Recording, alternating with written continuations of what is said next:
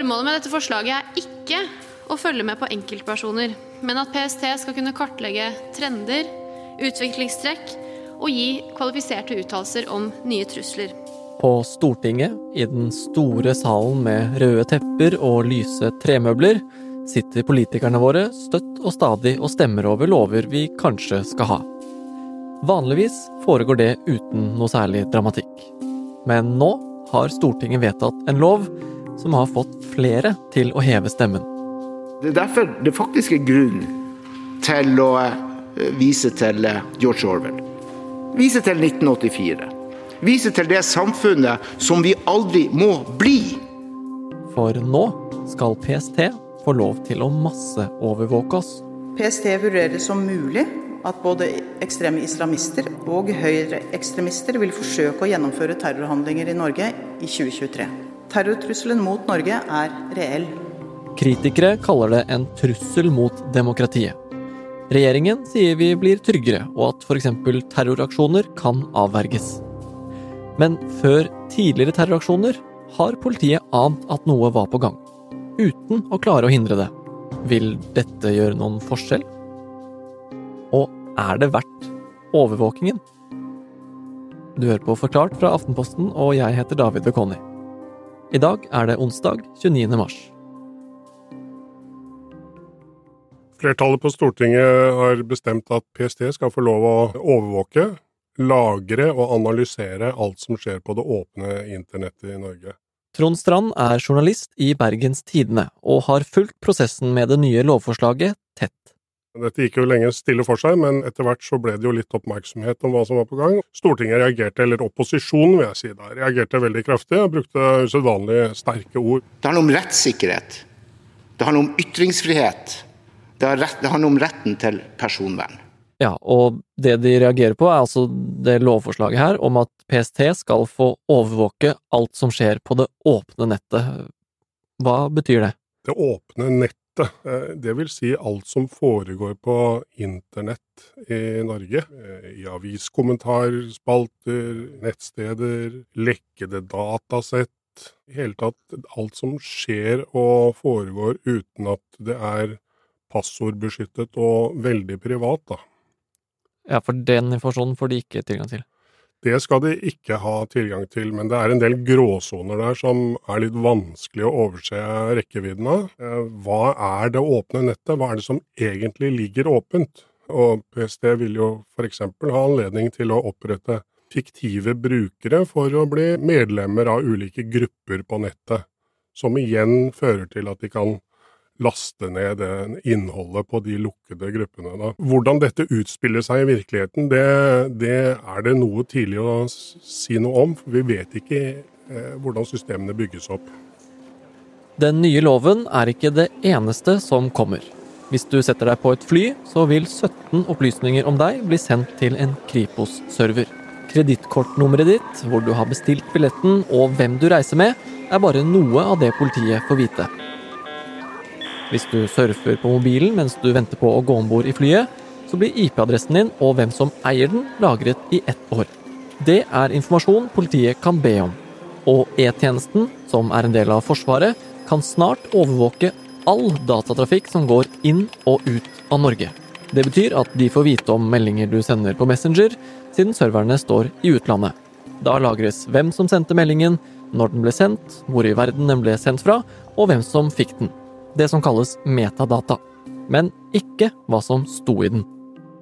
Men akkurat det trenger egentlig ikke å bety så mye.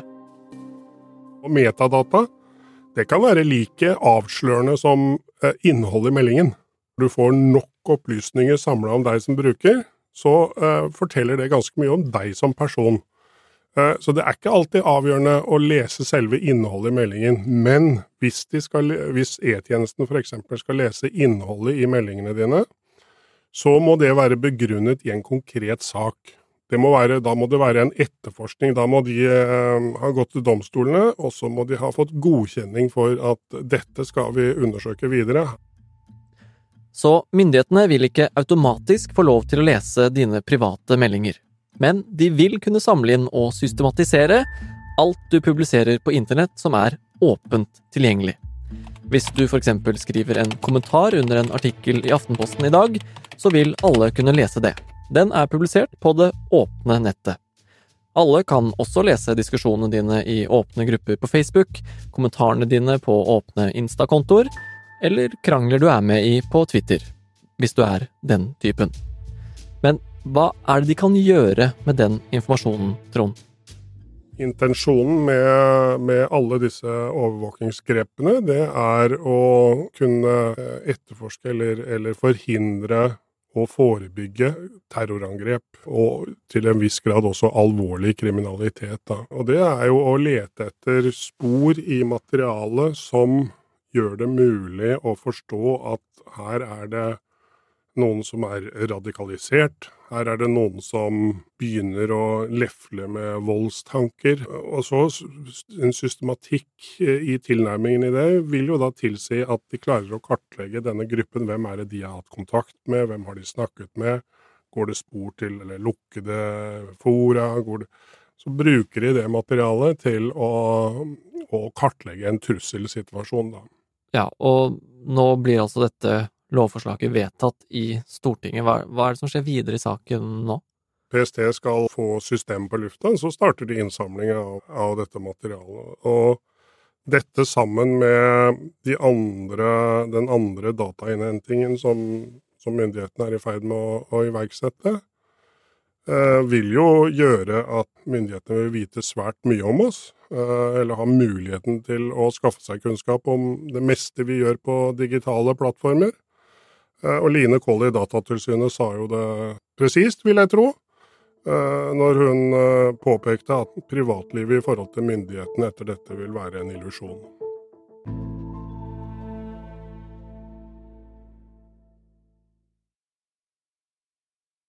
Når PSTs overvåking er på plass, er målet at de skal kunne forutse hva som blir de store truslene mot Norge, og hindre terrorangrep, spionasje og sabotasje. Det er de aller fleste enige om at er en bra ting.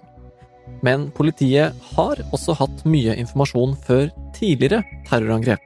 Veldig mye informasjon har vært kjent om gjerningspersoner forut for de terrorangrepene som vi kjenner i Norge de senere årene. PST fikk tips av tollmyndighetene om at en kar som het Anders Behring Breivik hadde kjøpt ingredienser som kunne brukes i en bombe i Polen. Det ble avdekket i en internasjonal aksjon mot terrorisme. Det var ikke nok til at han eh, ble undersøkt. Man fikk også informasjon om eh, personen, personene som sto bak eh, London pub-angrepet i juni i Oslo. 25.6 i fjor skjøt Sanyar Matapour mot folk som feiret pride i Oslo sentrum. To menn ble drept, flere personer ble skadet.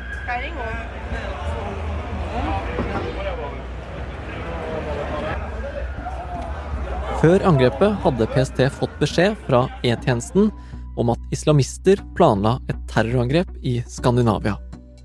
Likevel klarte de ikke å stanse angrepet. Vi hadde informasjon om de som utførte disse terrorhandlingene, klarte ikke å sammenstille informasjonen og bruke den. Blir da alt tryggere om man samler inn all informasjon som er tilgjengelig? Det er jo et paradoks som man kan stille spørsmål om. Det vi ikke vet noe om, er jo de angrepene som eh, PST eventuelt har avverget, eh, og som vi ikke kjenner til. Men hva er det PST kommer til å se etter, da? Vet vi det? Det vi vet, er hva eh, PST på en måte er gitt lov til. Det er å bruke materialet til å analysere og lage trusselvurderinger og oppdage nye trender. Og hvis de oppdager konkrete saker i materialet, så, så vil de også ha lov til å opprette forebyggings- og etterforskningssaker og bruke materialet til det. Men da inntrer andre typer regler. Da, da inntrer de vanlige eh, rettssikkerhetsskrankene. Og hva gjør de med all den informasjonen da? Altså, det må jo bli veldig mye å holde oversikt over? Det er jo selvfølgelig et voldsomt materiale. Du kan på en måte tenke på din egen familie. Hvor mye er din egen familie på nett i løpet av et døgn eller en uke? Hvor mange nettsider er dere innom? Hvor mange telefoner? Hvor mange apper er i bruk i en familie i løpet av en uke? Så kan du gange det med antall familier i Norge, så vil du skjønne at det er en kolossal datamengde som, uh, som samles inn. Og det er jo ikke noe for en enkeltperson, en analytiker, å sette seg ned og, og, og bla gjennom det materialet. Det vil ikke være fysisk mulig, det er helt utenkelig. Altså, det må brukes maskiner. Hva maskinene skal se etter, det er det mennesker som må bestemme. Men fordi det ikke skal bli for lett for kriminelle eller ekstremister å gjemme seg, så kan ikke PST si hva de kommer til å følge med på. Og det er jo forståelig. Samtidig så er det problematisk i en sånn rettssikkerhetssammenheng. da. Vi vet, vi vet, ikke hva uh, etterretningstjenestene vil lete etter, og hva de putter inn i maskinene, og, og hva, de, hva, som kan komme ut av det. Vil de f.eks. For kunne forstå ironi? Altså noe som er lagret for ti år siden, og du ytret noe en, uh, på et nettsted, og du brukte ironi vil maskinen kunne forstå at det var ironi, eller vil den lagre det som en farlig, eh, et farlig utsagn? Men jobben til PST er å følge med på hva kriminelle og ekstremister gjør på internett. Det har de ikke så god mulighet til å gjøre i dag, ifølge regjeringen.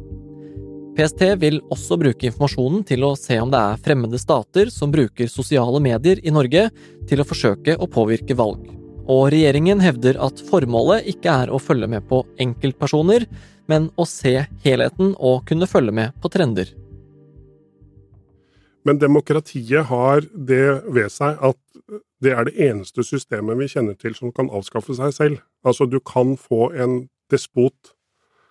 Du kan få en antidemokratisk person som vinner et valg, og som kan bruke dette systemet til å overvåke sine motstandere. Eh, og hvis det skjer, så, så har vi en veldig farlig situasjon, i alle fall for motstanderne. Og denne inntil videre tenkte situasjonen får også mediene til å reagere. Faktisk så sterkt at stiftelsen Tinius har saksøkt staten pga. lovforslaget. Det er de som er den største eieren i medieselskapet Skipsted, altså de som igjen eier annet oss her i Aftenposten. Stiftelsen mener at forslaget gir for vide fullmakter til sikkerhetsmyndighetene, og at det kan gå utover muligheten til å utøve journalistikk. Ok, så én eh, ting er det som går inn og ut av eh, landet vårt, men det PST skal få lagre nå, er jo åpen informasjon på nettet som eh, hvem som helst kan gå inn og lese allerede nå. Hvorfor er det et så stort problem?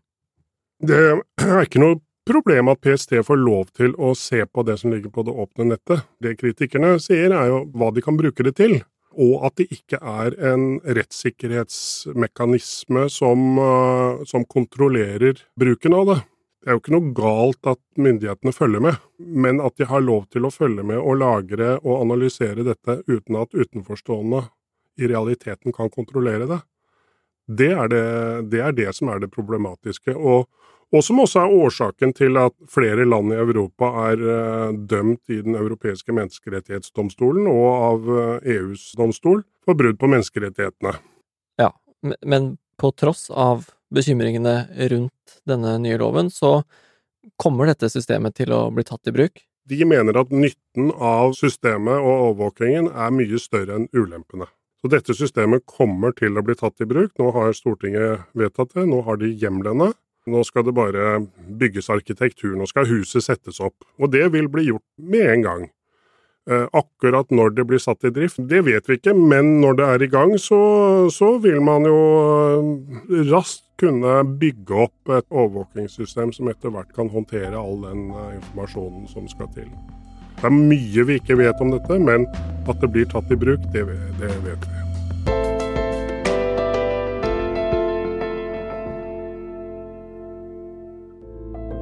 Du har hørt en podkast fra Aftenposten. Det var Trond Strand som forklarte hvordan du kan bli overvåket fremover. Lyden du har hørt er fra regjeringens nettsider og Stortinget. Denne episoden og Aftenpostens journalistikk ellers påvirkes ikke av hva Skipsted eller Tinius-stiftelsen gjør og mener, og er gjort uavhengig av det pågående søksmålet. Episoden er laget av produsent Olav Eggesvik og meg, David Vekoni, og resten av Forklart er Synne Søhol, Philip A. Johannesborg, Trond Odin Johansen, Jenny Førland og Anders Weberg. Og med det så går jeg ut i pappaperm, og skal heller lytte til Forklart mens jeg triller rundt i nabolaget. Vi høres til høsten. Takk for at du hørte på.